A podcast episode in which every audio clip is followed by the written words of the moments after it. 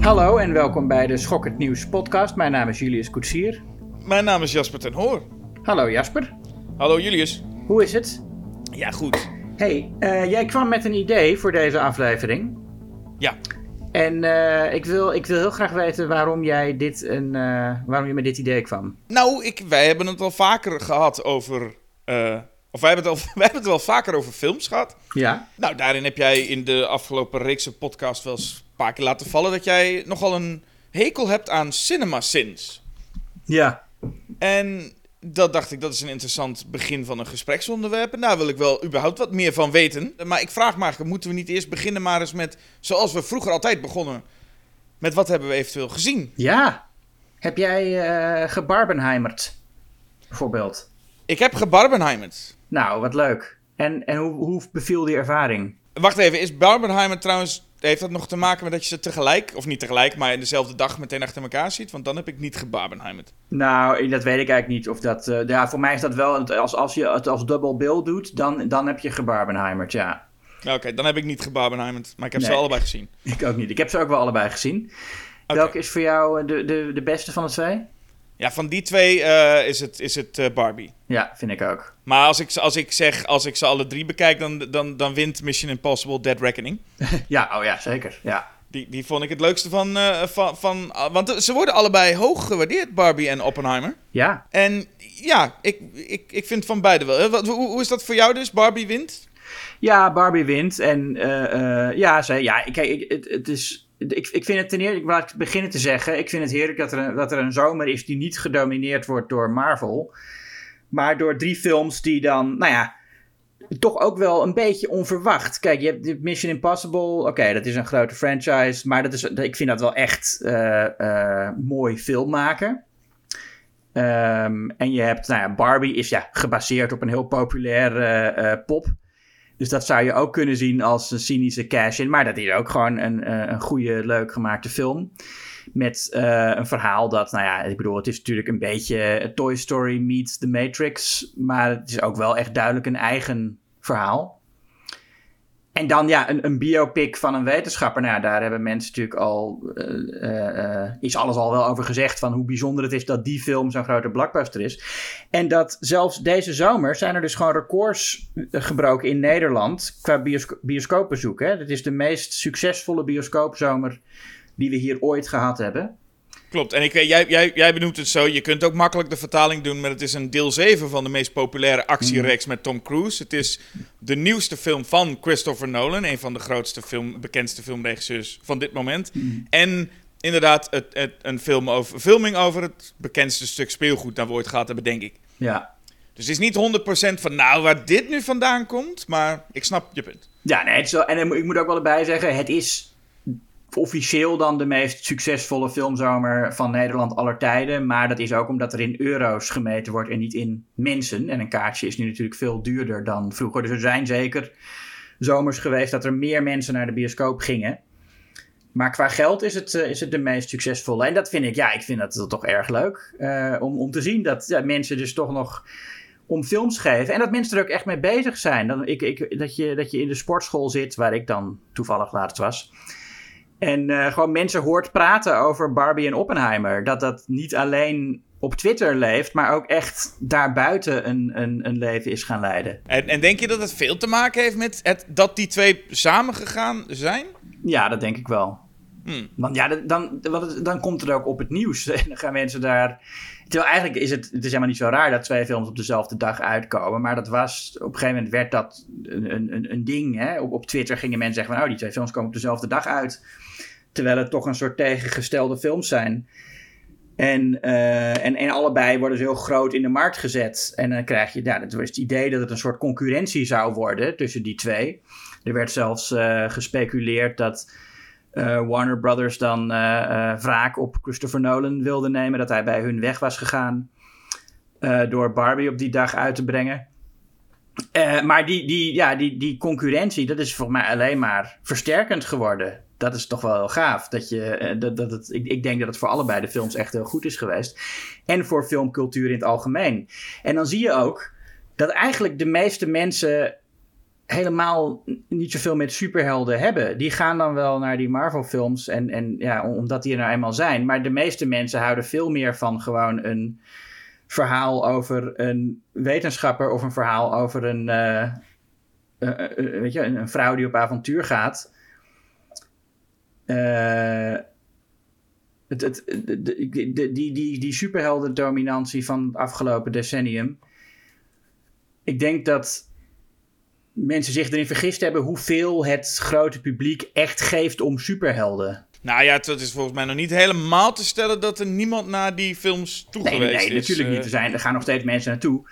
Maar ik heb ook de indruk, en dat is puur anekdotisch, ik hoor nooit gewone mensen praten over superheldenfilms. Ik hoor nooit een normie zeggen van, uh, oh, heb je de nieuwe Marvel gezien, dit en dat. En ik hoor wel heel veel normies over Barbie en Oppenheimer. Ja, ja, ja maar dat, is, dat is, heeft vooral dat mensen het erover hebben, heeft volgens mij inderdaad echt te maken met dat ze nu bij elkaar geplaatst zijn. Nou, maar ook dat ze het gewoon heel goede films vinden. Ja, dat hoor je ook al, dat mensen daar ja, vooral... mensen zijn heel over... enthousiast daarover. En nogmaals, dat is puur anekdotisch, maar dat is mijn ervaring. Hm. Uh, ik heb echt nog nooit iemand horen zeggen van... oh, die nieuwe Avengers was echt zo goed. I gewoon een, een, een, een niet... Uh, iemand die niet tot, het, tot de schokkend nieuws uh, schade behoort, zeg maar. Want ja, we hebben het wel. Maar, maar nee, ook, ook op schokkend nieuws borrels hebben we het eigenlijk uh, zelden veel over die Marvel-films, toch? Ja, daar, is, daar hing sowieso altijd wel een, een sfeer rondom Marvel. Er waren, zijn altijd een paar fans geweest. Ja. En, en ik zo, gooide mijzelf daar ook altijd onder. Dat ik wel een groot fan was van het Marvel-universum. maar dat is in de afgelopen jaren sterk afgenomen. Maar er is in de afgelopen jaren ook wel een enorme uh, kwaliteit uh, dal geweest. Nou ja, ik ben dus heel voorzichtig blij dat het superhelden tijdperk van de absolute dominantie van superhelden voorbij lijkt te zijn. En dat films terug lijkt te zijn. Uh, ik moet natuurlijk niet te vroeg juichen, want we weten niet wat er allemaal gaat gebeuren. En met die staking nu, het feit dat de, de studio's en weet je, de, de Bob Igers en andere CEO's gewoon niet willen toegeven. En ja, dat, dat, het, het zou nog wel eens heel slecht af kunnen lopen daar in Hollywood. Ja, zeker, zeker. En ik ben altijd licht sceptisch over het feit dat als je nu een succes hebt, dat dat zich vooral vertaalt in Barbie 2, 3, 4, 5. Nou ja, en... Dat zou inderdaad de verkeerde. Of, of, dat ze ook. Weet je wat dat ze zeggen? Oh, we gaan ook nog een G.I. Joe film maken. Of een Action Man film. precies, precies. Dat, dat, dat voel ik er veel meer aan. Dat Ja. ze nu zeggen: we gaan iedere eh, persoon uit de geschiedenis maar zo'n Oppenheimer-achtige film geven. Ik heb het gevoel dat dat voor meer gaat gebeuren dan dat er nu Ja. de conclusie wordt getrokken in Hollywood met... Weet je dat mensen gewoon het leuk vinden als er hele creatieve nieuwe soort films komen? Ja, gewoon een goed verhaal. Daar- houden mensen van. Ja, hoewel ik bij dus Oppenheimer wel eh, denk dat de naam Christopher Nolan een behoorlijk grote rol speelt Oh, daarin. tuurlijk, tuurlijk. Ja, maar dat is ook. Dat, dat hij überhaupt gemaakt is met dat budget. Is Christopher Nolan's eh, verdienste natuurlijk. Ja, en dat verbaast me ook altijd. Ik zat bij en Barbie en Oppenheimer heb ik eh, in de paté gezeten. En dat, ik ga meestal als ik naar de paté ga ook 's ochtends. En nu heb ik dan twee keer dus Barbie en Oppenheimer in de avond. De vroege avond. En ik heb nog nu, nooit in jaren niet meer gezien dat de bioscoop zo vol zat. Ik Ja. moest, wij moesten aan de rand gaan zitten. Nou, dat is lang geleden. Ja, nee, dat had ik ook echt. Maar, en ik was in de middag nog. Ik was, in, ik was middags naar eh, Oppenheimer gegaan. In, eh, nou, wel in het in, in AI, het filmmuseum hier in Amsterdam. Omdat je daar eh, is op 70 mm. maar dat was ja, ook smiddags helemaal vol. En ja, Barbie was ook uitverkocht in de avond.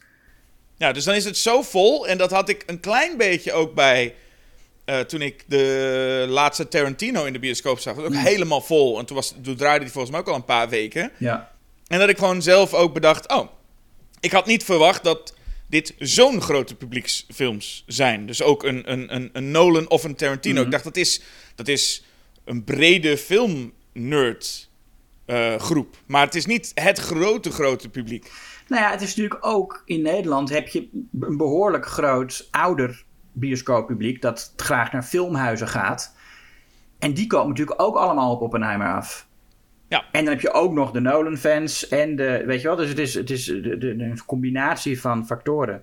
En voor Barbie geldt dat ook. Je hebt, ja, je hebt, je hebt, dus het is voor kinderen leuk. Eh, hoewel in Nederland was hij mogelijk schadelijk tot 9 jaar, stond op mijn kaartje. In Amerika Mogelijk is die- schadelijk. Ja, dat staat er dan op bij films als, als die misschien niet geschikt zijn voor kinderen. En in Amerika was hij PG-13. En Barbie? ja, Barbie. En ja, ik kan me alleen maar bedenken dat het gaat omdat ja, het woord vagina zit erin. En, eh, en er zit een, een, een ja, en, en, en, het, en het woord boobs wordt gebruikt. Maar ja, dat is het enige wat ik zou kunnen verzinnen waarom het. Mogelijk schadelijk is. Ja, ja, wa- waarom mensen denken dat het mogelijk schadelijk zou kunnen zijn in Amerika. Ik ben wel blij dat we hier nog niet zo ver gaan. Maar ik vind ook boven de negen jaar vind ik ook een beetje onzin. Het, die film is toch gewoon voor, eh, voor iedereen. Nou, ik, ik denk wel dat het, het... ik- Het is ook een moeilijke film. In de zin dat ik eh, geen trailer... Niks, ik had niks gezien. Ik, Eh, ik, ik wist dat de maker is, is, is Greta Gerwig. Maar ik heb nog niets van Greta Gerwig gezien. Hmm. Maar ik wist wel duidelijk dat dit een andere soort film was dan al die andere Barbie-films die we hebben gehad. Van die animatie Ja. eh, straight to DVD. Ja. En ik kom daar bij die bioscoop en ik zie daar een hele grote groep. Alsof je naar de toppers ging, gevoel. gevoel. Eh, allemaal vrouwen van rond de 50 met allemaal roze truien en shirts aan. ja. Dus soort van, dit waren echt de fans. Ik dacht, ik, dit is... Nou, dit dat is ook mensen maken er echt een avondje van als ze naar Barbie gaan, inderdaad. En die hebben dat Ja, maar ik dan dacht mensen dat die jarenlang niet aan Barbie hebben gedacht. Of überhaupt nooit. Nee, maar ik dacht dat dat echt een filmnerd ding was. Dat schokkend nieuws is. Die trekken hun filmshirt aan van de film waar ze dan naartoe gaan. Ja. Maar dit, is, dit was inderdaad, iedereen was fan en neemt in, in- allemaal in een roze shirt. En allemaal zich laten fotograferen in die, eh, in die Barbie-doos. Ja, en, die, en dus ook heel veel kinderen. Waarbij ik ook nog even dacht van, oh, of gaat, is dit echt een film voor iedereen? Of gaat er een deel van deze, dit publiek in de bioscoop denken, oh, dit is niet wat ik had verwacht. en ik denk dat beide wel gebeurd is. Want het is ergens Barbie wel een film voor iedereen. En het is ergens ook wel dat, dat iedereen wel misschien het gevoel heeft, oké, dit had ik ook weer niet helemaal verwacht. Ik had dus geen idee wat er in die film zou gebeuren. Dat ze naar de echte wereld zou gaan. En eh, al dat gedoe had ik niet, eh, wi- wist ik allemaal niet. Nee, ik weet niet, nee. Eh, maar ik vond het erg leuk. En ehm, ik was ook, ja, ik was een beetje bang dat ik zou gaan cringen van de boodschapperigheid.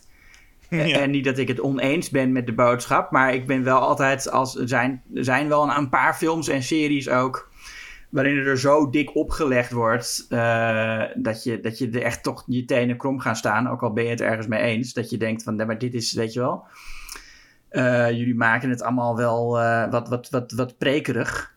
ja. Maar dat viel me ook wel mee. Maar viel het je mee met hoeveel het erin zat? Of viel het... Nee, ik, het, zat er, het zat er heel duidelijk in, maar ik vond het niet heel prekerig.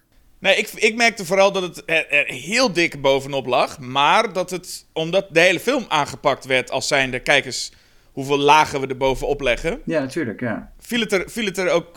Past het mooi. Ja, het is gewoon het hele thema van de film. Het is geen opgesmeerde preek. Het, het zou ook niet bij deze film, de stijl van deze film passen... om in deze Barbie ineens een heel subtiel laagje in te leggen. Nee, dan moet je het ook gewoon... Als je de hele tijd met verf aan het kliederen bent, moet je dat nu blijven doen. Ja, precies, ja. ja. En dat ging best, best goed. Ja. Eh, en, en, en ja, de acteurs waren echt... eh, nou ja, ik heb heel erg van Ryan Gosling genoten. Ja. Veel meer dan, dan La La Land. Dit Oh, is echt... Ja, tuurlijk. Hij was hier fantastisch op zijn, eh, op zijn plek. Ja, hij is een eh, best wel onderschatte komisch acteur. Hij is in, in comedies, ook in eh, The Nice Guys, Ja. hij heel erg op zijn plek. Eh, zou Ja, en je doen. ken hem toch. Dat is een beetje dat, dat Blade Runner en Drive gevoel. Dat je een beetje als een mopperende, mopperende man die zo, zo moeilijk voor zich uitstaart. Ja, Maar hij kan ook echt ontzettend geestig zijn. ja. Het is een hele plezierige film. Eh, ik had wel op een gegeven moment gewoon zoiets van de. Ik, eh, ik, het, hij was duidelijk voor mij. Op een gegeven moment dacht ik: oké, ik, ik heb hem, ik snap hem. Ja. Maar ik had na een uur. Ongeveer begon het wel een beetje met: ja, ik denk dat ik hem nu wel begrijp. En dan was dat verhaal. En dan met, met Will Ferrell en zo. Dat, op een gegeven moment dacht ik: ja, nu weet ik het wel. Dus ja, ik- ik vond het zo raar dat het begint met van... Oké, we zijn nu in de echte wereld. Maar dan komt dat personage van Will Ferrell... en dan is dat ook heel cartoonesk.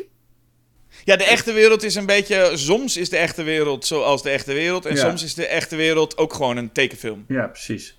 Nou, dan nog eventjes om ook nog eens eh, Mission Impossible, eh, Dead Reckoning en eh, Oppenheimer kort onder handen te nemen. Ja. Ja, ik vond Dead, Dead Reckoning weer ouderwets gewoon leuk. De, de stunts waren natuurlijk helemaal zoals, het, nou, zoals we gewend zijn van de, van de reeks. Ik vond hem dit keer wel... ik, ik weet niet of het nou zo'n slim idee was om hem in twee stukken te hakken. Want ik merkte wel dat er scènes in zaten van die uitlegscènes. Dat ik dacht, ja, dit heb ik net ook al gehoord. Um, het, het, het voelde toch, het, het, het, de hele opzet van het verhaal, het werd allemaal een beetje traag. Het verhaal van Dead Reckoning was totaal, wat ze nu in ieder geval laten zien hebben, totaal niet nodig dat dat twee films van drie uur zouden moeten zijn. Nee. En terwijl je dan, dus heb je eigenlijk, je hebt Rogue Nation en Fallout daarvoor en die hebben ook een overeenkomende schurk. Dus daar mhm. voel je nog veel meer bij van dit zouden misschien wel twee films die echt bij elkaar passen. Maar dat heb ik hier dat ik dacht, oké, ik vond de schurk uit Rogue Nation en Fallout al beter dan de schurk in Dead Reckoning. Ja, nee, ik vind hem ook niet. Ik zou hem. Het is de eerste Christopher McQuarrie film die ik in elk geval onder uh, Ghost Protocol plaats in mijn rangschikking. Mhm. Ik heb nu, ik heb op één Fallout staan, op twee uh, Rogue Nation. En ik denk op, op drie dan Ghost Protocol en Dead Reckoning of deel 1 hieronder. Die vind ik allebei toch, ja. Eh, deel 1 is ook wel erg goed. Hmm. En dan heb ik 2 en 3. Ik heb 3 onderaan staan. Ik weet dat heel veel mensen vinden 2 uh, eh, de slechtste. En het is ook een heel domme film, deel 2. Ja. Maar dat is wel nog echt een, een John Woo film. En John Woo, ja, je ziet, je ziet gewoon dat dat een fantastische actieregisseur is. Ook al is de plot uh, heel uh, dommig. Ja. Um, terwijl ja, drie is dan, ja, daar zit Philip Seymour Hoffman in. Eh, die is natuurlijk heel goed. Ik was met je, volledig met je meegegaan als deel 3 niet Philip Seymour Hoffman had. Dan had ik drie waarschijnlijk ook onder 2 gezet. Maar Philip Seymour Hoffman tilt 3 nog wel even net ietsjes hoger. Ja, nou voor mij is drie. Het is toch de film waar de minst indrukwekkende actiesetpieces in zitten. En ja, dat is J.J. Abrams, die toen ook bekend was vooral als televisieregisseur. En dat, ja, die film is ook echt vaak geregisseerd als een tv-programma. Terwijl deel 2 is wel echt een film. Het is ook heel erg J.J. Eh, Abrams met dat je eerst Philip Seymour Hoffman opzet als de grote schurk. Alleen J.J. Abrams weet nooit wat hij aan het einde van zijn film moet doen. En dan wordt dus uh, Philip Seymour Hoffman gewoon aangereden. Ja, dat vind ik zo'n lullig einde. ja, dat is echt heel na, ja. Hij weet ook niet eens... Ik vind het altijd stom als de schurk doodgaat voordat hij weet dat de held gewonnen heeft. Mhm, ja. Philip Seymour Hoffman denkt nog steeds dat, uh, dat, dat hij de vrouw van Tom Cruise uh, vermoord heeft. Oh ja, ja. Nou ja, goed, ehm. ik vind zelf de, ik ben niet zo'n groot fan van die eerste van De Palma. Dus voor mij staan 1, 2 en 3 echt beneden. En dan die 4, 5 en 6 ben ik dol op. Mhm. Met mogelijk 4 van, van Brad Bird, wat mij betreft, vind ik misschien nog wel de leukste. Maar Fallout en Rogue Nation zijn ook fantastisch. En voor mij zit Dead Reckoning daar precies tussenin eigenlijk. Het hoort niet bij de beste drie en het hoort ook niet bij de minste drie. Want het is wel, ja, die, die, die, die, die achtervolgingen en, en actiescènes in... Uh, Dead Reckoning Part 1 zijn wel fantastisch. Ja. Iedereen zegt dan, oh ga Oppenheimer in de bioscoop kijken, want het is echt een bioscoopfilm. Voor mij zou ik zeggen, als je toch maar één kaartje nog kan kopen... Uh, dan zou ik toch naar Dead Reckoning gaan. Want dat vind ik nog meer een bioscoopfilm, denk ik. Ja, ja en die hele treinscène aan het einde, dat is ook natuurlijk... De, ik, sowieso, ik hou van treinen in films. Films en treinen, uh, perfect uh, huwelijk. Ja, Indiana Jones en Dial of Destiny is een fantastische treinscène. Ja. Nee, nee, nee, dat niet. Maar wel, ja, en, eh, ik, moet wel zeggen, dat is ook weer, ik vind het soms, ik, ik kan natuurlijk veel hebben van, uh, uh, van, van een Mission Impossible film qua dingen die eigenlijk niet kunnen. Maar als, als Tom Cruise dan net op tijd die trein binnenkomt met, aan zijn parachute. En dan ook nog eens toevallig, want dat is helemaal niet gepland, dat hij gewoon toevallig tegen de schurk aankomt. Um, dat vind ik een, een te groot toeval. En ik, vind het ook, ik geloof ook niet dat hij door die ruit heen gaat. Want een ruit van een trein is best wel dik. Dus dat, dat, dat, dat, dat heb ik niet, daar had ik moeite mee met, die, met dat moment. Nou, wat een goede. Dit is bijna een brug naar, uh, naar ons uh, hoofdonderwerp. Naar CinemaSins. Ja, nee, maar dat is met, met alle drie de films zijn er heel wat uh, CinemaSins klachten te maken. Ik moet wel zeggen, wat ik, wat ik nog één ding over Dead Reckoning. Wat ik zo gaaf vind aan die, aan, aan die scène waar hij zeg maar naar de trein toe moet komen. Dan zit hij op zijn motor en dan moet hij op tijd in die trein zien te komen. Want in die trein zit. Uh, uh, heet zij nou Claire, die vrouw? Die, uh, ja, ik wil zeggen, in de trein zit eigenlijk iedereen behalve Ving Rames, maar goed, ja. Ja. nou goed, moet, hij moet op tijd daar zijn, maar niet om de wereld te redden of zo. Ik bedoel, dat, dat is ook, speelt ook een rol. Dat is de, de, zo, dat, is, dat is de eigenlijke missie. Maar voor ons doet het er veel meer toe van, komt hij op tijd op die trein om haar niet teleur te stellen. Want zij heeft al vertrouwensproblemen en zij zit daar en, en wacht op hem en weet niet zeker of hij gaat komen of niet. En kan ze hem wel vertrouwen. En dat is de spanning van, eh, eh, van zijn pogingen om, om, om op die trein terecht te komen. Ja. Is niet gaat hij er op tijd komen om, om die McGuffin te halen en de wereld te redden, maar gaat hij op tijd arriveren om haar niet teleur te stellen. En een groot deel van het publiek is volgens mij vooral bezig met... hey, we hebben in de promotie non-stop gezien dat Tom Cruise van zo'n berg afspringt. Wanneer gaan we dat zien? En daar is de film dan heel lang naartoe aan het werken. Ja. Ehm, ik vind het verhaal technisch was het niet echt niet de beste film van de reeks. Ehm, Zeker niet. maar ehm, voor de actie, voor alleen de, de, de, de achtervolgingsscène ergens eh, in het midden van de film, is hij alleen al gewoon de bioscoopkaartje waard. Ja. Over dan nog even Oppenheimer. Ik Mhm. was geen fan. Nee, Nee? ik was geen fan. Ik ehm, merkte dat ik echt moeite had met deze film. En nee, ik had niet per se moeite met dat eh, de mensen geen, dat hij geen Nederlands spreekt. Eh, dat blijkt een, een beetje een ding te zijn. Dat vond ik ergens nog grappig vooral. Ja. Dit is wel een, een pet peeve van mij, maar daar gaan we het zo ook over hebben. Dat hij geen Nederlands... Ja, precies. Maar ehm, nee, wat, ik bij Oppenheimer gewoon moeite mee had... is dat het, het, is goed verzorgd, sure. Het is eh, goed gedaan, sure. Maar ik vind dat Christopher Nolan een, een, een, een, een biografiefilm eigenlijk maakt... en dan het... Ja, ik, ik stoorde me op een gegeven moment zo erg aan dat hij gaat... hij- volgens mij is er geen scène die langer duurt dan een minuut... Tot ergens na twee uur, want dan is er die... Nou ja, dat is volgens mij geen spoiler, maar dan is er een, een Trinity-bom scène. Dus er wordt een bom... Om, Oh, ja. nee, spo- spoilers voor geschiedenis. En dan is voor de eerste keer in na twee uur dat een scène langer duurt. Dat, en dan merkte ik echt een soort verademing. Dat we even wat langer aan het kijken waren. Naar iets wat ook echt een bepaalde spanning met zich meebracht. Daarvoor was het wat voor mijn gevoel heel erg. eh, nou, dit gebeurde, dit, dit is er gebeurd. Het was een beetje Wikipedia afgaan met dit is er ooit gebeurd. Hij heeft met die gesproken, er komt die binnen. Heel veel pratende mannen. Ja. Maar het, het liet me allemaal koud. Het zal allemaal wel zo gebeurd zijn. En eh, sure, Christopher Nolan weet wat hij doet qua... ik wil het allemaal echt hebben en alles moet echt zo gebeurd zijn. En hier miste ik, Behalve, behalve de Nederlandse behalve de scène. Nederlandse scène... maar ik had juist het gevoel... oké, ik vind het prima dat het geen Nederlands was... maar ik vond het ook prima als je het verhaal anders had verteld, een beetje. Ik bedoel, dat mag wel. Maar iets minder... hier is dit gebeurd, hier is dit gebeurd... dit, is dit, dit gesprek is er ook echt geweest, dit gesprek, dit gesprek. En het... Het liet mij dus op dat vlak volledig koud, deze film. En dan is drie uur lang. Want ik vind er zitten echt Hmm. Ja. prachtige scènes in. Er zit ook een hele sterke audiovisuele scène in. Waarvan ik denk, oeh, dit is echt mooi en knap gedaan. Maar daar vul je voor mij geen drie uur mee. Dat was Ja. gewoon interessant om te zien. En daarna een hoop. eh, ik, ik, na, na tweeënhalf uur was er volgens mij dat Oppenheimer ineens met iemand sprak. En ik dacht, wie de fuck is dit nu weer? Er was de zoveelste persoon waar die gewoon even twee seconden mee praat. En we zaten weer in een scène, loopt hij op straat. Meteen daarna een scène is hij in een huis. En nou ja, dat gaat zo dan door. Ja, nou ja, ik, ik ben het deels met je eens. Eh, het, het was soms ja, het gaat heel snel er doorheen natuurlijk. Ehm, dat is ook wel een reden, denk ik, dat deze film ook meer aanslaat dan veel andere biopics. Het tempo is gewoon ontzettend hoog.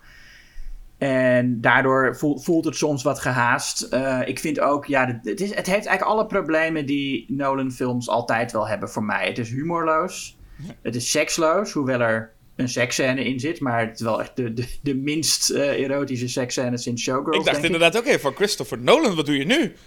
Dit is niks voor jou. Ja, ja, nou ja, dat, dat was ook iets wat van tevoren veel besproken werd. Hè? De- of of, of eh, Cillian, Killian, nee, Cillian Murphy is het geloof ik, zeg Ja. je het. Of zijn piemel erin zou zitten. Wacht, sorry? Nee, die zit er niet in. Is er bij Cillian Murphy, was dat een ding? Ja, omdat er werd aangekondigd van eh, prolonged nudity of zo. En dat het heel expliciet zou zijn. En eh, daar hadden heel veel mensen gingen speculeren van... gaan wij in IMAX de lul van, eh, van Murphy zien? Ja. De lul, de lul van Murphy. En past dat wel op een, op een IMAX-scherm? Ja, was een beetje de grap die gemaakt werd. Maar dat, dat, is- dat, dat is er dus niet.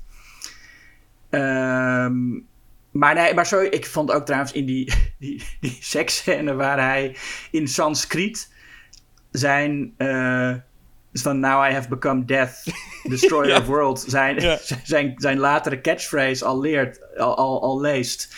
Nog Ja. lang voordat hij met die atoombom bezig was, is dat. Dan heeft hij seks met eh, Florence Pugh. En dan laat zij hem Sanskriet vertalen tijdens het neuken.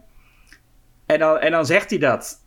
En dan, dat, is, dat doet me denken aan al die, al die slechte uh, biopics van muzikanten. Waarin ze dan, weet je wel, een regel uit een, uit een nummer horen. En zeggen: Oh, dat wordt het nieuwe nummer. Mhm. Van, in, in Ray zit geloof ik zo'n scène. Dan gaat ze, zijn vrouw bij hem weg. En dan zegt ze iets van: Hit the road. En dan zegt hij: van, Oh, ga zo door. en dan begint hij piano te spelen. nou ja, dat. seksloos, humorloos. En ook, ja, al, het, het, gaat natuurlijk heel erg over die morele dilemma's van een atoombom maken. Moet je dat nou wel doen? En wat zijn de gevolgen daarvan? Maar dat wordt ook allemaal zo erg uitgelegd. Dat het ja, niks wordt eigenlijk aan jouw eigen uh, intelligentie overgelaten. Dus de Nolan onderschat altijd uh, een groot deel van zijn publiek, denk ik. Ja. Maar technisch vond ik het een van zijn beste. Ik heb hem ook wel zeker, ik reken hem tot zijn beste werk. Want ik vond het technisch gewoon enorm indrukwekkend. En de scènes waar ze die bom, die testen doen, zijn ook op de een of andere manier toch spannend. Hoewel je weet wat er gebeurt. En je weet ook, ja, dat, dat ik bedoel, die bom uh, die gaat ontploffen. En op dit moment is dat nog helemaal, zijn daar, is, is dat binnen die scène, uh, is de enige consequentie daarvan van ja, het is gelukt of niet. Maar toch zit daar een enorme spanning. Ja, nee, dat is ook volgens mij de enige scène waar mijn gevoel dat in de film zit. Ja. Dat, is, dat is echt een scène. Uh, en het moment daarna, dat is even een soort realisatiemoment, is de beste scène uit de film, wat mij betreft. Het, het moment dat, uh, dat, het, dat de bommen gevallen zijn. Mm -hmm. En dan uh, echt de bommen in Japan gevallen zijn en Oppenheimer dan een speech gaat geven. Dat vond ik echt een heel sterk stuk. Ja, ja zeker. Nog één ding over Oppenheimer. Is het, is het het feit dat er wordt gewoon verteld in die film dat Gene Tedlock vermoord is. Uh, dat was, Gene Tedlock was de, was de ex van, uh, van Oppenheimer en die was een communist. Heeft zelfmoord gepleegd, toch? Nou ja, dat is het, dat is het officiële verhaal. Dat staat ook, uh, als je op Wikipedia zoekt wie, wie dat is, dan staat er dat ze zelfmoord heeft gepleegd. Maar daaronder staat dan dat er complottheorieën zijn dat de FBI haar heeft vermoord. Oh. En in die film zie je gewoon, dat, dat, je kunt het missen. Maar zij, uh, er wordt gezegd dat ze zelfmoord heeft gedaan. Maar dan zie je in een flashback zie je een gehandschoende hand haar hoofd onder water drukken in die badkuip. Nou, dat heb ik inderdaad gemist. Dat kun je ook heel makkelijk missen. En ik dacht ook van, hè, is, heb ik dat nou gezien? Maar dat is dus, ja, dus, dus Christopher Nolan zegt eigenlijk wat hij helemaal niet had hoeven doen.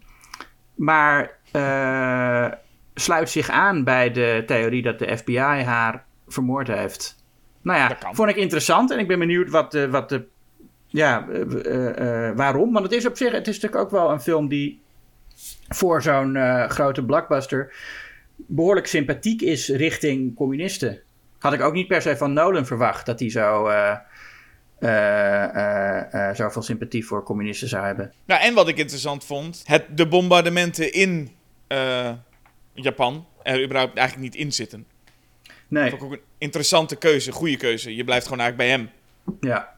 Um, ja, nou ja, ja, ja. Het is geen actievolle film sowieso. Hmm. Het is ook, en dat bedoel ik niet per se negatief. Ik ervaar het negatief, maar het is gewoon, het zijn veel, het is heel veel praten. Veel uh, mannen in pakken die praten, wat Nolan ook meestal in zijn films gewoon eigenlijk doet. Ja, en op zich hou ik, ik hou wel van films met mannen in pakken die praten, maar ze moeten wel een beetje interessante gesprekken hebben.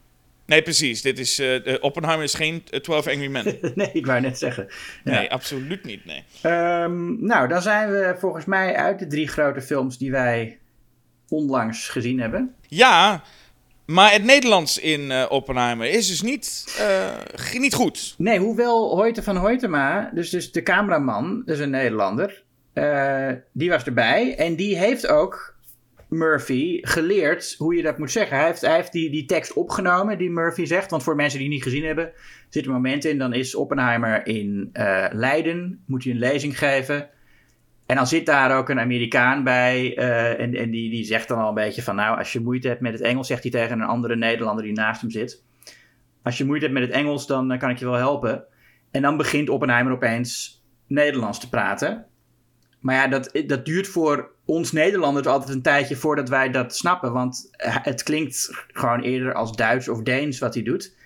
En het is gewoon onverstaanbaar. Hoewel het dus wel echt een Nederlandse zin is die hij zegt. En Hoyte van Hoytema heeft hem ook gewoon ingesproken op, een, op, een, op zijn telefoon. En, uh, en, en dat heeft uh, Murphy tientallen keren geluisterd en geleerd om dat uit te spreken. Maar als, en als je het op, op YouTube staat, dus een clipje, dan kun je het terugluisteren. En als je weet wat er gezegd wordt, dan hoor je het wel. Alleen hij beklemtoont alles zo raar dat het de eerste keer dat je het hoort gewoon niet verstaanbaar is. En dan komt er ook nog eens bij dat Nolan heeft in die scène zitten knippen om het, om het wat vlotter te maken. Die heeft gewoon willekeurige woorden eruit geknipt. Dus je hoort hem iets zeggen, maar dat, je hoort hem gewoon ja, Nederlands-achtige woorden die voor een Amerikaan dan als Nederlands klinken, hoor je hem zeggen. De botsing verdeeltje in atoom hangen van verschillende energieën. De verbinding is opname in de relatieve. En uh, wat me ook stoorde trouwens was het accent van die gast naast. Um, hoe heet hij nou? Hoe heet die man nou? Die Amerikaan die daar was. Uh, nou ja, dat maakt niet uit. Er zit een, een, een collega-wetenschapper van Oppenheimer op wiens naam ik nu niet kan komen. Mm -hmm. Die zegt dan: Ik ben Amerikaans. En dan zegt die gast naast hem: uh, Surprising. En het moet dan ook een Nederlands accent voorstellen. Dan denk ik ook, had Hoyte van maar dat nou niet even kunnen corrigeren? Maar, maar sowieso, accenten zijn een, een, soort, zijn een pet peeve van mij. Oh, in Dead Reckoning had ik hetzelfde. Oh, met die Russen? Ja, nou, die film begint ermee. Dan praten ze eerst Russisch. En dan denk je, nou oké. maar dat gaat binnen, eh, eh, na een paar seconden hoor je dat Russisch vervaagt het en wordt het Engels. Omdat wij dan blijkbaar niet vijf minuten ondertiteling kunnen lezen. Want, uh, dat zo, want het is echt geen, het is gewoon een, een, stukje van vijf minuten aan het begin. En met wij refereer je dan aan Amerikanen, niet aan Nederlands, want die kunnen dat wel. Ja. Die doen, dat, die doen niet anders. Ja, precies. Ja, nee, um, klopt. Maar, maar dat is ook nog dat ze die accenten gewoon ook niet kunnen. Uh, niet alle zitten wel een paar echte uh, Russen tussen die het wel doen, maar er zitten ook gewoon um, ja, Amerikaanse acteurs tussen die dat niet kunnen. Nou, nou combineer die twee eens eventjes trouwens, Oppenheimer en, en nu uh, de, de Russen in Dead Reckoning. En je hebt Tenet van Christopher Nolan en dat Kenneth Branagh daar gaat lopen. Ja. Een, nou, Kenneth Branagh doet, doet in, in, in zowel Oppenheimer als in, in Tenet inderdaad een heel slecht accent. Ja, maar ook het feit dat je dus met Russische accenten nog aan moet komen. Ja, dat werd in, in, uh, in, um, in, in Chernobyl, die serie, dan heel goed gedaan. Dat ze gewoon zeiden, we gaan iedereen gewoon Engels laten praten, maar gewoon, gewoon Brits. Ja. En, en, en we, we, dat, dat is gewoon wat het is. Want we gaan niet meer naar die tijd van min of schmin of, of hoe heet het ook alweer. Dat ze zeggen, ja, daar, willen we niet, ja. daar, daar, willen we niet meer naartoe. Nee, maar ik, ik snap dat ook niet, waarom je dat niet zou. Waarom toch, als je een boek leest en, en het speelt zich af in Griekenland dan ga je ook niet alle dialogen in het Grieks doen. Als, je, als, je, als het een Nederlands boek is, dan doe je gewoon die dialogen in het Nederlands. En dan snapt de lezer wel dat ze Grieks praten. Precies, dat we in deze tijd ook sowieso. Uh, dat als je nu een, een film over de Tweede Wereldoorlog. dan praten de Duitsers Duits. of ze praten gewoon Engels. Dat is prima. Maar dat iedereen dan altijd kiest voor dat. Uh, wat al zoveel jaar. dat accent. Hè, dat iedereen gaat praten als, als Prins Bernhard. Ja. Dat, dat, dat, dat is gewoon. Ik, je denkt, daar zijn we toch wel klaar mee. En dan blijken de grote films dat nog steeds te doen. Ja, ik vind het. Ik, dat, daar erger ik me altijd aan. Sure. En nou zou je dus. Nou, jij ergert je eraan. Dus daar zou een pingetje moeten komen. Ja. Want er is een YouTube-kanaal, CinemaSins. Mm Die CinemaSins, dat is gewoon een YouTube-kanaal. Uh, waarbij uh, een van de oprichters, Jeremy Scott, een, gewoon een YouTube-kanaal begon eigenlijk met die op komische manier, nou ja, veel over, over films praat, die had je in die tijd sowieso heel veel. Mm en ik heb daar ook lange tijd vaak naar heel veel van dat soort video's gekeken. Vanaf 2012 is het ongeveer dat zij echt populair werden met hun videoreeks Everything Wrong With. Ja. Waar ze door films heen gaan en eigenlijk alle dingen die ze maar opvat aan films, uh, nou ja, uiten en dan, dan geven, ze, geven ze een tellertje aan. Ja. Nou, daar heb je dus heel veel van dat soort reeksen. En dat is in. Je hebt Honest Trailers, was een hele bekende. Is, die bestaat ook volgens mij nog steeds. Uh, is ook een soort vorm waarbij ze een, een film. Uh, nou ja, bekritiseren. En dat doen ze dan in de, aan de, in de vorm van een trailer. Ja, en uh, de, de Nostalgia Critic was ook heel populair destijds. en is, bestaat nu ook nog steeds.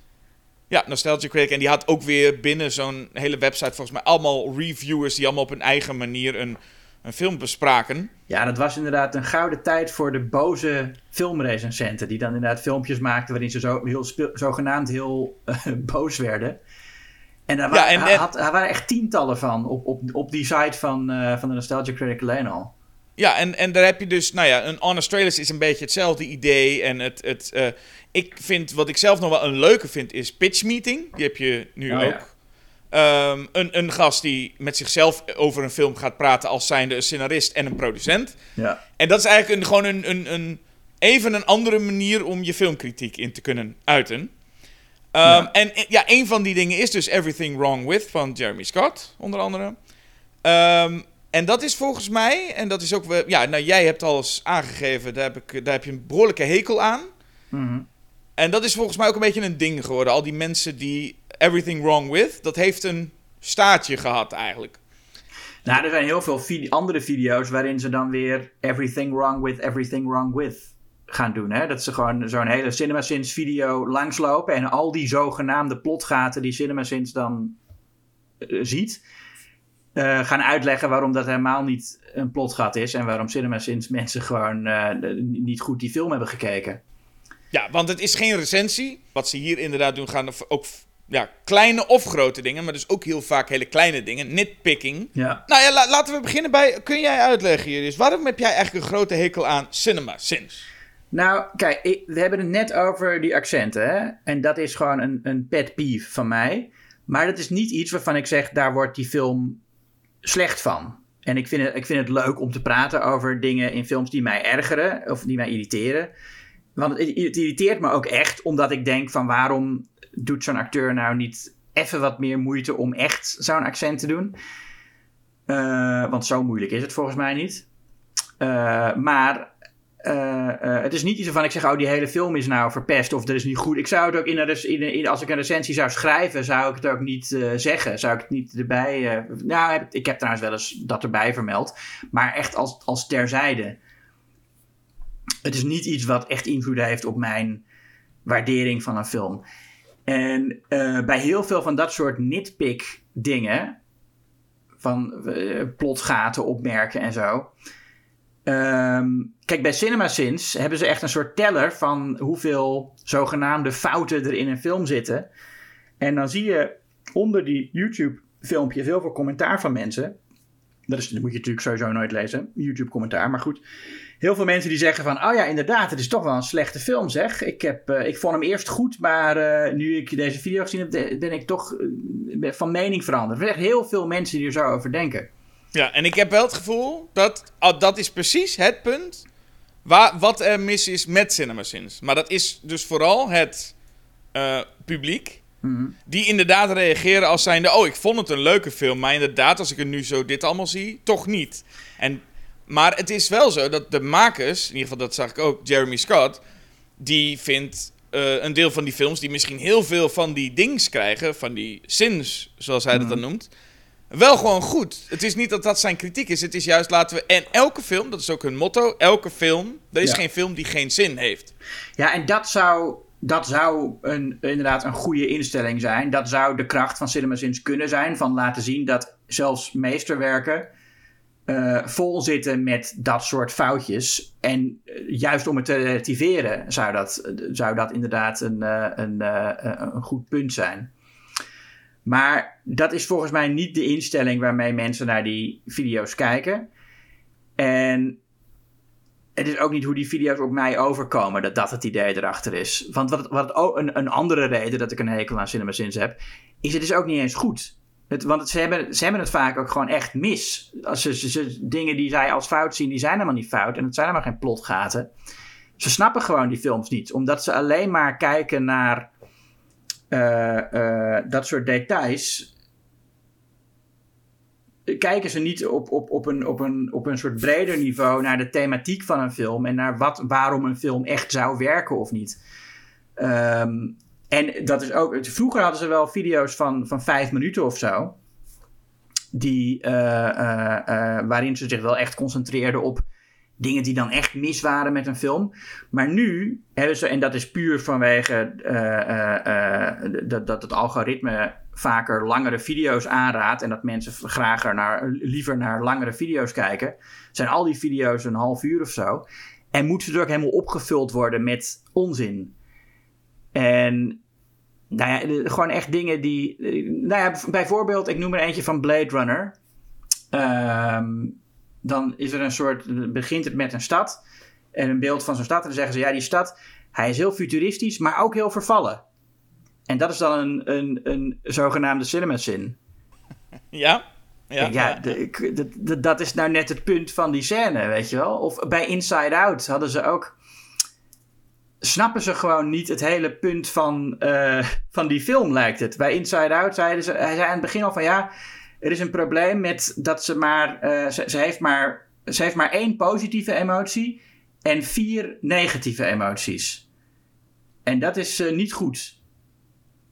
Nee, ja, dat, het is, dat is gewoon echt waar dat kinderen die vijf basisemoties hebben. Maar zij zijn over het algemeen een concept, dat is misschien wat uitgegroeid, maar ze zijn een concept waarbij je eigenlijk vooral gewoon lullige kleine dingen aanwijst. En eigenlijk gewoon zegt dat, en dat is op een heel veel vlakken echt duidelijk dat het komisch bedoeld is. Om een voorbeeld te noemen op dat vlak, zij, um, iemand begint met een uh, voice-over, een film begint met een voice-over, dan geven zij meteen al een ding. Want voice-over. Ja, nou, kan de voice-overs ook goed zijn, maar zij zeggen gewoon: oké, okay, uh, voice-over, dat is lui, dus dat geven we een ding. Vervolgens is dat volgens mij een film waarbij Jai Courtney de, de voice-over geeft. Zeggen ze: oh wacht, nog een ding voor dat Jai Courtney de, uh, de voice-over geeft. En daarna doen ze nog een derde ding en dan zeggen ze: oh ja, trouwens nog eentje, Jai Courtney. En dan geeft ze nog een ding. Ja, natuurlijk. De, de, dat, eh, kijk, als je dat grappig vindt, dan, uh, kan ik, dan ga ik daarover niet met je in discussie. Dan is dat gewoon uh, jouw gevoel voor. Oh, ik zeg niet per se dat ik dat grappig nee, vind. Nee, ik zeg alleen dat het inderdaad. Ja. Uh, dat het wel duidelijk een. Wat ik vaak de kritiek op CinemaSins hoor, mensen die er kritiek op hebben, is inderdaad dat ze. Ja, maar het is geen comedy. Alleen zij zijn duidelijk in ook de manier hoe zij. In de manier van, is het wel duidelijk dat heel veel gewoon grappen zijn. Of leuke ja, grappen zijn. Nee, dat, dat is duidelijk, dat het heel vaak gewoon grappen zijn. Maar het is ook duidelijk dat het heel vaak geen grappen zijn, maar echt bedoeld als kritiek op de film. Ze hebben, ik heb laatst een paar over uh, Mission Impossible uh, uh, films gekeken ter voorbereiding. Ja. En daar is ook, dan snappen ze gewoon het plan niet. Of dan hebben ze commentaar op iets wat er gebeurt. En het is nou allemaal te complex om uit te leggen. Maar als je mhm. die film gezien hebt, dan weet je gewoon: dit, dit je snapt gewoon niet wat het plan is. Nee, dus ze zijn, ze zijn slordig, wil je zeggen ook. Ja, ze kijken. Ik, ik, want ik denk ook dat wat zij tegenwoordig doen, is gewoon die film aanzetten. En bij alles wat ze zien, meteen een, een vraag of opmerking hebben. En nou ja, wordt, ja klopt. En, en, ja, dat, en het wordt dan zo, ze schrijven het terwijl ze die film voor de eerste keer kijken. Maar som, heel veel dingen die ze opmerken worden later in die film gewoon uitgelegd. Maar dan gaan ze niet terug om die opmerking te veranderen. Nee, dat is een slordigheid. Dat is, ben ik absoluut nou ja, mee eens. Is, maar dat, is een slordigheid. Maar dat is ook een kwestie van die dingen. Er wordt gewoon heel snel geproduceerd. En, en, en uh, het is gewoon echt. Het is content, zoals dat dan uh, zo lelijk heet. dat is echt wat het is. Het is gewoon echt het er snel uitpompen van. Ja. Van, van video's die dan misschien uh, zes of zeven grappen hebben. Maar ook toch vooral een hoop ja, eh, zeuren over plotgaten die helemaal geen plotgaten zijn. Het is echt minstens de helft van wat zij als plotgat zien, wordt gewoon uitgelegd in zo'n film. Maar dat heb je met recensenten ook. Als ik recensies lees, denk ik af en toe ook, ja, zegt iemand misschien wel, het verhaal klopt niet of slaat nergens op. En dan denk ik, jawel, dat is wel zo. Dat kan, kan in principe in recensies ook. Ja, maar ik vind het probleem van CinemaSins dat het. Uh, mijn grootste probleem mij eigenlijk is dat het dus een heel oppervlakkige kijkhouding aanspoort. Ehm, dat zij kijken naar die films en, en noemen dan heel veel plotgaten, die, waarvan de meeste dus niet echt plotgaten zijn. Maar ook als dat wel zo zou zijn, uh, de enige manier waarop, waarop zij die films kijken is met van klopt dit wel en kan dit wel? En dat spoort mensen aan om gewoon de, de, de, de thematiek van een film en de emotionele resonantie van een film te negeren. En puur te kijken naar een soort pseudo-intellectuele. Dat, is ook heel pretentieus, natuurlijk, het hele cinema sins. En ik snap, ze zeggen ook wel eens van ja, maar dat is satire. Want we spelen een personage dat heel pretentieus is. Dat hebben ze dan. Maar goed, dat, zo komen die video's gewoon niet over. Dat kun je erbij zeggen. Maar voor de meeste mensen die die video's kijken. Is het helemaal geen parodie op zo iemand. Die kijken die film, die kijken gewoon zo'n video en die, en die lachen mee met Jeremy die altijd commentaar levert en denken, ja, hij is toch wel een heel intelligente man dat hij dit allemaal opmerkt. En ik ben ook heel intelligent dat ik hierom kan lachen en ik ben op een intelligente manier naar films aan het kijken. Terwijl het helemaal niet zo is. Je kijkt juist op een enorm oppervlakkige manier naar een film. Je gaat totaal niet de diepte in. En ik denk ook echt dat als je, als je, als je kijkt hoe. Ehm, eh, eh, eigenlijk is het, het video-essay een heel geschikte vorm voor filmkritiek. Want je kunt gewoon laten zien wat je bedoelt. En als je, als je, als je over film schrijft, dan is het wel eens ongemakkelijk dat je dan steeds moet. Uh, je, moet dan iets over de stijl van een film schrijven. En dan moet je helemaal gaan zetten hoe die, hoe die shots in elkaar zitten. En over montage. Dat is altijd een beetje lastig om dat in woorden te vatten. Maar met een video-essay kun je het gewoon laten zien. Dus je hebt eigenlijk een perfecte vorm voor filmkritiek. En er zijn ook heel veel video-essayisten die ik uh, erg bewonder. Die, dat, die daar echt goed gebruik van maken. Ja, maar nu hebben we het wel over twee dingen. Want als jij nu zegt, ik, ik bewonder een paar video-essayisten, Mhm. prima. Maar op het moment dat onder die video-essayisten allemaal comments zijn met mensen die zeggen, oh, dan hoef ik die film ook niet meer te zien, eh, krijg je hetzelfde. Nou ja, kijk, als ik kijk naar. Neem een video-essay van een Patrick H. Willems. Of een Lindsay Ellis. eh, eh, die, die trouwens begonnen is in de stal van de Nostalgia Critic. Als de Nostalgia Chick. Maar die daarna gewoon doorgegroeid is. En, en een van de beste eh, video-essayisten die, die er zijn eh, is, is geworden. En nu, nu doet ze nou maar op Nebula, wat een betaald platform is. Ehm, maar zij en, en, en Patrick H. Willems en Maggie May Fish, die maken allemaal video-essays die echt de diepte ingaan. En, eh, en, en ja, Patrick H. Willems heeft heel veel over stijl. En Lindsay Ellis er meer over, over thema's. En eh, op een manier die ja, dat, eh, vooral bedoeld is voor mensen die de film waarschijnlijk al hebben gezien. Maar ook als je die film nog niet hebt gezien, je wordt aangespoord om op een andere manier naar die film te gaan kijken. En dat is wat CinemaSins ook doet volgens jou.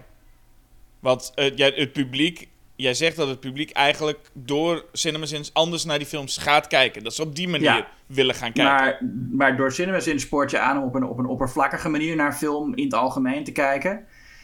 En een, go- een go- goed video-essay spoort je aan om eh, meer diepgang te zoeken in een film. Ja. En, ook, en niet alleen in één film specifiek, maar naar, in, in films in het algemeen. Ik denk als je heel veel eh CinemaSins video's kijkt, eh, dat je toch geneigd bent om die manier van kijken over te nemen. En, en eh, eh, gewoon bij, bij, bij een film die je voor het eerst ziet al denkt van... oh, ding, hier is weer een dingetje. Terwijl als je iets van Patrick H. Willems kijkt, die spoort je aan om, om te letten op dingen als montage en, en, en blocking en al die dingen. En, en ook te, kijken hoe het verhaal visueel verteld wordt. En Maggie May Fish spoort je aan om, om te zoeken naar eh, thema's in een film. Eh, dus dat, ja, dat is een veel interessantere manier om naar kunst te kijken. Stel je hebt de podcast Julius versus Jasper. Ik merk dat eh, jij geregeld ook met mij in bepaalde films duikt en dan gaat nitpikken. Ja. Goed, goed voorbeeld is Prooi. Ik heb volgens mij er nooit zo lang over één ding stilgestaan als jij in Prooi die zegt dat ze met de auto naar de kroeg Ja, gaan ja. in Amsterdam. Ja. Ik vind, ik vind dat zelf dus heel leuk. ja, dat is ook leuk. En dat is wat CinemaSins voor een groot deel is. Kijk, het is vervelend als er een publiek is dat zegt... oh, nu ga ik voortaan altijd op deze manier naar de, eh, naar de film kijken. Maar het beste is volgens mij, of het leukste is, wat mij betreft... een combinatie van. Dat je af en toe naar de grote lijnen kijkt... en soms ook even praat over die kleine irritante dingen die je steeds tegenkomt... Waar Ja. CinemaSins eigenlijk een verzameling van is. Al die kleine klote dingen. Ja, ik, ik hoop dat het ook is wat wij doen. Dat inderdaad in heel veel podcasts hebben wij, hebben wij het over de, de onbenullige details die helemaal niks uitmaken. Maar dat, ja, omdat het gewoon grappig is. En het is niet erg om, om iets grappig te vinden. Maar we erkennen daar hopelijk wel bij dat het niet echt eh, invloed heeft op de kwaliteit van een film. En ik hoop ook dat wij uiteindelijk ook het eigenlijke punt van ons gesprek altijd wel meer is dan dat. Dat we toch ook over de stijl van een film en over de inhoud van een film eh, het een en ander te zeggen hebben. Ja, en dat mist bij CinemaSins weliswaar. Maar als het gaat om komische video's die op een nieuwe manier door, film, eh, eh, door een film heen gaan, is het. is nitpikken soms wel leuk. Ja, dat, dat ontken ik ook zeker niet. En eh, weet je, dat is ook een prima concept van een, nitpick video. Maar ten eerste, dan moet, je wel, moet het gewoon eh, kloppen en moet je niet gaan liegen dat iets een plotgat is terwijl het dat niet is. En je moet dan ook niet de pretentie hebben dat het meer is dan dat. Want je ziet ook wel eens dat, ze, dat CinemaSins begint dan opeens over... dit is een cliché. En dan gaat het eigenlijk altijd al mis als zij het hebben over wat volgens hun een cliché is. Want volgens mij weten ze helemaal niet wat dat betekent. Um, en en dat, dat ze dan echt ook commentaar gaan hebben op de kwaliteit van een film. Uh, ja, daar, daar gaat het voor mij eh, heel vaak al mis. Ja, bijvoorbeeld in Mad Max Fury Road. Dat ze dan gaan zeuren over... Uh, als, als Immortan Joe die waterval openzet voor de, voor de mensen. Die dan, die, hij, dan, hij, hij heeft dan al het water en dan doet hij die, die, die, die, die waterval, dat? Er komt uit, uit zo'n buis komt heel veel water. En dan komen alle arme mensen beneden met kleine bakjes om het water op te vangen. En een gigantische stortvloed die over ze heen komt. En dan zeggen zij, ja, dat is ook niet een handige manier om het water te verdelen dan snap je dus gewoon, dan, zit je, dan kijk je gewoon niet die film goed of zo. Dan snap je niet dat Immortan Joe natuurlijk dat alleen maar doet om zijn macht te laten zien. En te laten zien, ik heb al dat water. En, en het kan helemaal niks schelen dat die mensen eh, sterven van de dorst. Maar dat, maar dat soort dingen, dan ben je dus gewoon niet die film aan het kijken. Dan zit je, dan zit je, dan zit je wel die beelden te kijken, maar je ziet niet echt wat er gebeurt. Nee, snap ik. maar als, als grap werkt het prima. Nou, vind ik, ik vind als, als grap zou het werken. Kijk, als je echt zegt, als ik hier nu ga zeggen, we hebben het over Mad Max Shirt, ik zeg, nou, even over die film. Ik vind het niet zo goed, want dat is toch geen manier om het, om het water te verdelen. Ja, dan zit ik hier dat echt als punt aan te dragen. Maar dat is in hun concept niet het geval. Hun, een, een, een running gag van hen is ook als er een uh, dat er geen lapdance in een film zit. Ja. dat is toch niet iets. Dat is toch niet als zijnde wij, wij nee, vinden dat. Dat, dat is duidelijk een grapje. Maar dit. Maar dit uh... ja, maar waar zit, dat, waar zit die lijn? Waar zit de grens van. Oh, maar nu bedoelen ze het serieus en nu is het een grapje. Ik snap dat zij dat zelf ook zich achter verbergen. Door heel vaak gewoon te zeggen. En dat doen veel mensen trouwens altijd. Verberg je achter het woord. Ja, maar het is satire. Mm. Maar ik heb het idee dat het misschien een, een, Het is niet altijd satire. Maar zij zijn ook niet echt met filmkritiek bezig. Dat beweren ze volgens mij ook helemaal niet. Nee, maar, nou, maar dat, ze zeggen, dat ontkennen ze altijd. Maar dat is natuurlijk wel zo. Als je, want er zitten ook gewoon echt punten van kritiek in die video's. En ze geven ook wel eens meningen die ze ook gewoon in andere... Ze hebben nog meer video's natuurlijk, waarin ze hun echte mening geven. En dat komt heel vaak heel erg overeen met wat ze in die CinemaSins video's beweren. Dus ze zeggen dat het geen filmkritiek is, omdat zij zelf niet goed tegen die kritiek kunnen. Maar het, ja, heel vaak is het gewoon duidelijk eh, een, een, een poging tot filmkritiek waar geen enkele poging tot humor uit blijkt. En dan hebben ze een, een stel flauwe grappen eromheen.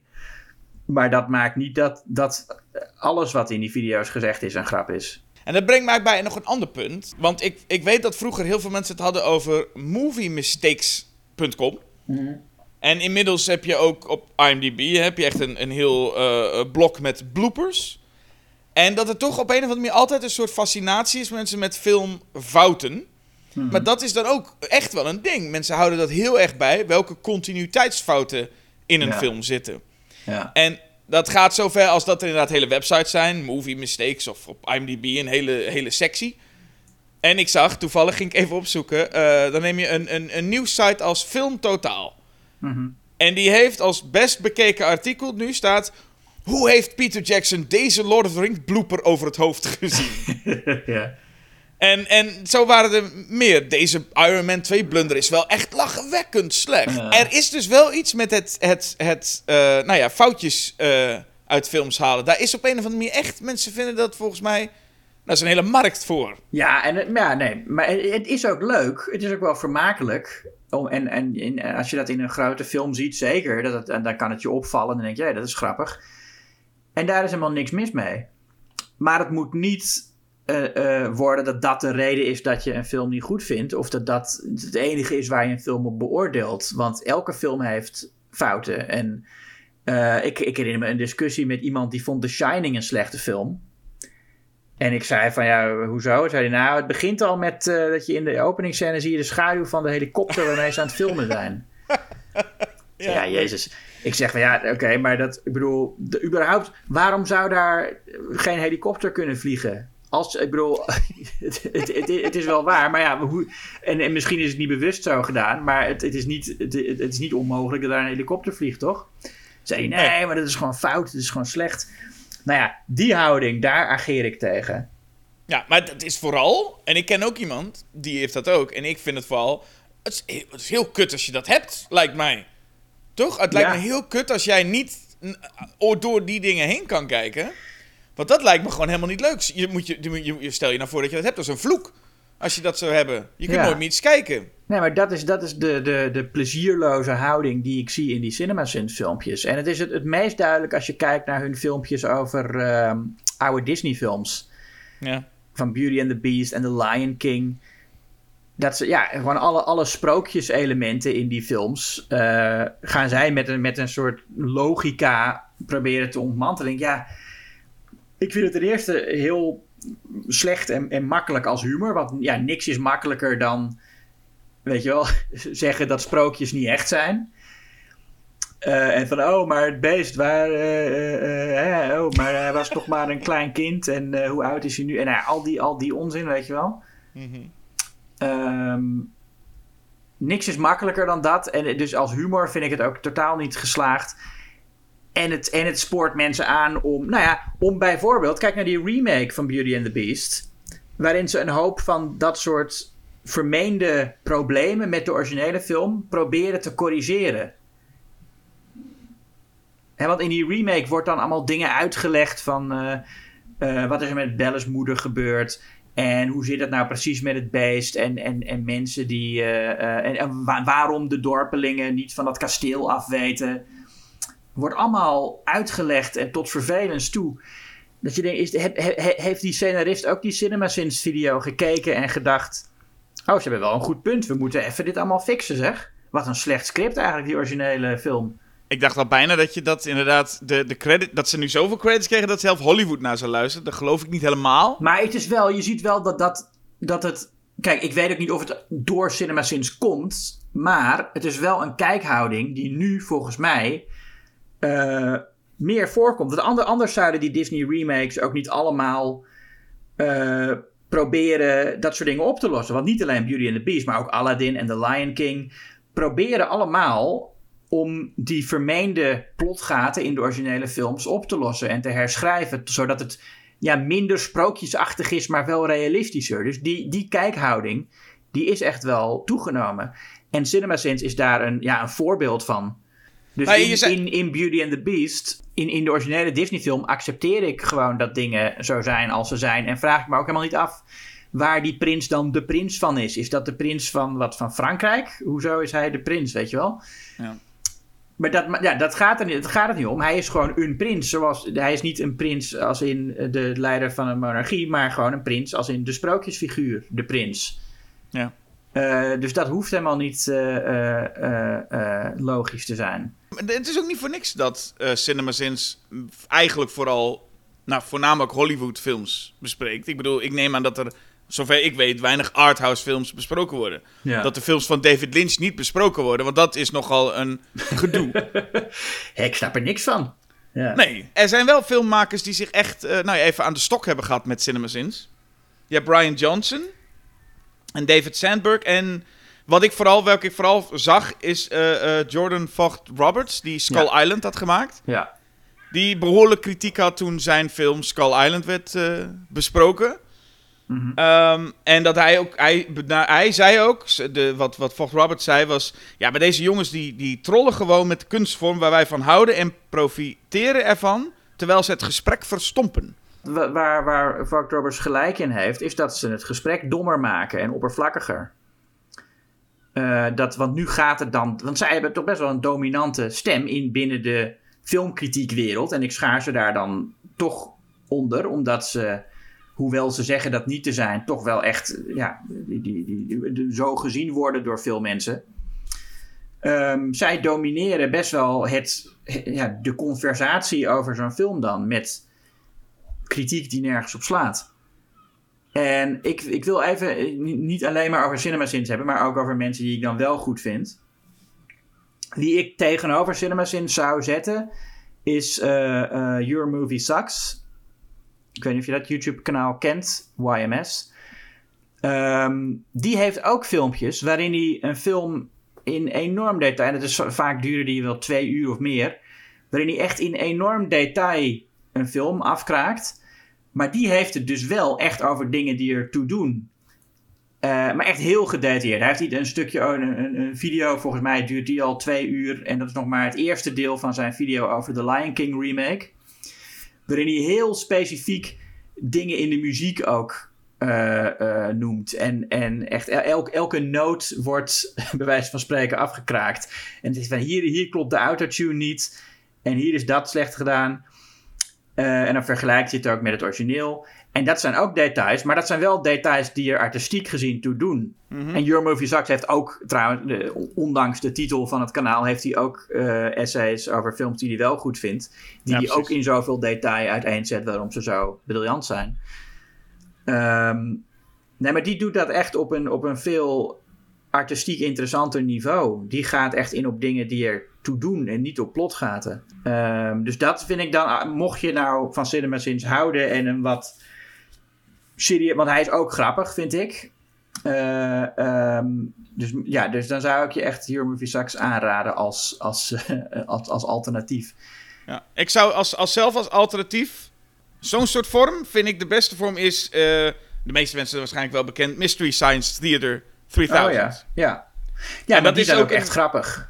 Die is echt, ja precies, dat is eigenlijk het voornaamste. Dat je denkt, je kunt, ik bedoel, natuurlijk kun je lange essays uh, uh, luisteren of lezen. Maar je hebt hier filmkritiek in de vorm van gewoon commentaar van drie mensen die in de bioscoopzaal zitten en ondertussen dingen roepen. Mm. En het zijn hele leuke grappen, maar het zegt vaak wel iets meer over de film. Het zijn niet alleen maar one-liners. Nee, maar het is wel, het zijn wel ook allemaal leuke grappen. Zij gaan niet gewoon zonder grap een plot gaat aanwijzen of zo. Zoals CinemaSins vaak doet. Zij, zijn, nee. zij maken gewoon alleen maar grappen. Ja, eigenlijk zonder echt de film heel erg te recenseren. Je gaat er eigenlijk al vanuit, een Mystery Science Theater film is dus niet zo goed. Nee, want ze zoeken inderdaad ook wel echt slechte films uit. Nou ja, en dat wordt ook wel gehekeld. Ik bedoel, het feit dat heel veel liefhebbers van cultfilms zeggen... Oh, dan heeft iedereen het straks over alleen maar de Mystery Science Theater versie. Hmm. En dat werd ook wel echt gehaat. Het feit dat ja. je dan zegt, ja, maar wacht even, kijk nou eerst ook de gewone versie. Dat iedereen op een gegeven moment een mening had over Manos, The Hands of Fate. Ja. Maar dat, iedereen, dat men, die uh, liefhebbers van die film, echt zoiets hadden van... Ja, maar iedereen zegt dat nu omdat ze die versie gezien hebben... met iemand die de grappen steeds doorvertelt. Ja. Maar de originele Manos, The Hands of Fate is ook niet goed. Nee, is niet te doen. Maar uh, je hebt liefhebbers die dan ook wel weer haten... dat uh, men alleen maar de ja. Mystery Science ja, Theater ja, 3000 versie leuk vinden. Uh, terwijl dat op veel vlakken toch de enige manier is waarop je een beetje door die film heen kan komen. Eigenlijk. Nou, ik heb hem wel, ik heb hem wel gezien uh, de, zonder commentaar. En uh, ik moet zeggen, hij is heel saai, maar op een heel fascinerende manier of zo. Je moet er wel mm -hmm. in gezelschap kijken. Mm -hmm. En dan zit, je, dan zit je toch op een gegeven moment ook in een soort droomsfeer. Haha. hey, daar hebben we Heb je het idee dat je gewoon een beetje aan het rondhangen bent met die gasten in die film. Ja. ja. ja. Um, Nee, maar om, om, ik wil nog een paar mensen aanraden. Nou, ik zei net al, Lindsay Ellis vind ik heel goed. Uh, Patrick H. Willems, Maggie May Fish. Movies with Mikey vind ik ook een leuk kanaal. Every Frame a Painting, wat al heel lang niet meer gedaan wordt. Maar uh, die, die, die oude video's zijn ook erg goed. En dat zijn ook allemaal uh, mensen die echt gebruik maken van het video-essay. Dus ook van de visuele van, ja, wat ik, wat ik dus net al zei, dat het, de video is eigenlijk een veel geschiktere vorm voor filmkritiek is dan het geschreven woord. Ja. Ga daar naar kijken en, en uh, vergeet die, die zeikerige onzinhouding van CinemaSins. Laten we dat, ja. Nou, laten we vooropstellen, dat is natuurlijk sowieso fijn, dat je vooral iets niet moet kijken. Een video van wie dan ook, of een, of een recensie lezen en dan, dan maar zeggen, oh, dan uh, dus het is niet goed. Het is altijd een mening van, van één persoon. Ja, en als het publiek inderdaad gaat roepen van, nou dan maar niet. Ik, ik, maar goed, dat, dat komt ook van iemand die zelf... Ik ga zelf meestal niet naar een film wel of niet toe gebaseerd op een recensie. Nee, ik ook niet. Nou, het, het komt wel voor dat, ik, dat er, als de recensies heel positief zijn... dat ik nieuwsgierig ben naar een film die daarvoor misschien nog niet op mijn radar uh, was. Maar nou ja, goed, omdat ik natuurlijk als, als hoofdredacteur van Schokkend Nieuws heb ik uiteraard, uh, vind ik dat ik gewoon heel veel dingen moet zien. En ga ik ook naar films waarvan ik niet verwacht dat ik ze goed vind. Gewoon omdat ik vind dat ik daar ook een, een, mening over moet hebben en deel moet kunnen zijn van, de, van het gesprek daarover en daarover moet kunnen schrijven. Dus ik zie heel veel. Ehm, en ik probeer in recensies, als ik een recensie schrijf, is het mijn, deels mijn doel om mensen ja, toch ook advies te geven. Dat is toch ook je rol als filmcriticus om mensen te adviseren of ze ergens naartoe moeten gaan. Want niet iedereen heeft ons, uh, is zo bevoorrecht als ik dat je gewoon alles kunt gaan zien omdat het je werk is. Um, maar deels schrijf ik ook met de gedachte dat sommige mensen die film misschien al hebben gezien en uh, gewoon benieuwd zijn en, of, of, en, hem, leuk vonden of juist helemaal niet en er graag iets over willen lezen. Um, en ik, wat dat betreft is het ook uh, autobiografisch. Ik, ik, schrijf op een best wel persoonlijke manier tot op zekere hoogte. Ik, ik, ik vind het belangrijk dat mensen weten dat er iemand achter die recensie zit. Ik vind het onzin dat een filmrecensie objectief moet zijn, wat mensen nog wel eens beweren. Hè? Van op, je, je, als recensent moet je objectief zijn.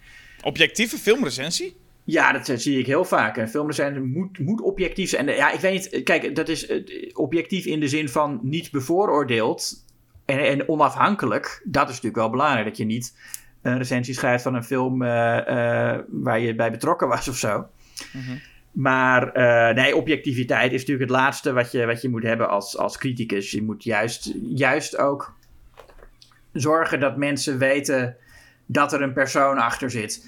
En dat vind, vind ik zelf ook altijd de leukste recensies om te lezen. Van, uh, van Amy Nicholson bijvoorbeeld. Om er maar eens één uh, uh, te noemen. Een filmrecensent die ik hoog heb zitten. Van Roger Ebert destijds. Van Pauline Kill natuurlijk. Jonathan Rosenbaum. Allemaal mensen met wie je het eens of oneens kunt zijn. Maar waar je wel echt een, een, een persoonlijkheid en een passie leest in hun stukken. Walter Shaw is ook een heel goede. Bill Chambers. Uh, nou, dat je een persoonlijkheid en een passie leeft in hun stukken. En um, het idee hebt dat je die persoon ook een beetje leert kennen. Dat je ook echt benieuwd bent van, goh, ik heb nou die film gezien. Ik ben benieuwd wat Walter Shaw ervan zou vinden. Dat zijn mijn, mijn favoriete stukken om te lezen. Waar je echt de, de recensent ook een beetje leert kennen. En stukken die jou aansporen om de film nog een keer te gaan kijken en op een andere manier. Of, of, of dat je een film wel aardig vond, maar dat een recensent hem helemaal afkraakt en dat je denkt, nou die heeft eigenlijk ook wel een punt. Het is misschien niet zo goed als ik dacht. Of het is juist veel beter dan ik dacht. Dat doen, moeten, dat doen we met de podcast ook het liefst. Hè? Dat doen velen met een filmpodcast. Ik, ik, hoop dat wij dat doen. Ik hoop dat wij uh, uh, bepaalde mensen aansporen om anders naar films te gaan kijken die je misschien nog niet goed vond. Ja, ik weet niet. Ik, ik, ik, ik hoop toch dat dat een, uh, een, een uh, aspect van onze podcast is. Dat mensen die een film niet goed vonden door ons aangespoord worden om hem toch nog eens te herkijken en hem wel goed te gaan vinden. Ja, dus dat zul je ook als luisteraar blijven horen. Zoals bij de volgende. Oh ja, Raiders of the Lost Ark tegen Pirates of the... Is het nou ik, dat is een woord wat ik in het Engels altijd. Is het nou Caribbean of Caribbean? Ik zeg altijd Caribbean. Car ja, nee, want. Car ja. Nou ja. Car Pirates of the Caribbean. The Curse of the Black Pearl. Ja. Klonk het allemaal heel pretentieus wat ik net zei? Zeker, maar dat geeft niks. Oh, echt waar? nee, valt mee. Nee, nee, oh. valt reuze mee. Nee. Um, wat moeten mensen doen voordat ze die aflevering gaan luisteren? Uh, ja, je moet, je moet een abonnement nemen op, op, op het tijdschrift en, uh, en, en, op, en op de podcast. Je moet je abonneren. Uh, je moet hem leuk vinden. Je moet met duimpjes omhoog en zo werken. Zeker. Eh, en wat, wat kun je nog meer doen? Oh ja, naar onze website gaan, schokkendnieuws.nl. Hey! Hey, die is helemaal nieuw. Nou ja, nu al niet, niet zo nieuw meer, maar wel heel anders dan hij er twee maanden geleden uitzag. Dus als je hem nog niet gezien hebt, bekijk dat even. Ja, ga naar die website. Hij ziet er inderdaad echt heel fijn, heel fris uit. Ja, heel fris. Frisse site. Een frisse site en daar kun je toch een heleboel recensies teruglezen. Zo. Uh, met, oeh, drie sterren voor Dial of Destiny. We zijn... Uh... Ja, Jons Klaasens was daar wel positief over. Gematigd positief. Ja, zo zie je maar weer dat de, de, de meningen verschillen. Ook binnen het, zeker binnen het Schokkend Nieuws eh, team. En dat is helemaal niet erg, maar juist leuk. Zeker als er geen meningsverschillen waren, had onze podcast Julius Jasper nooit kunnen bestaan. Zo zie je maar weer. Dus ik zou ook zeggen, bedankt voor deze Julius. Ja, dankjewel Jasper. En uh, tot de volgende keer. Tot volgende keer.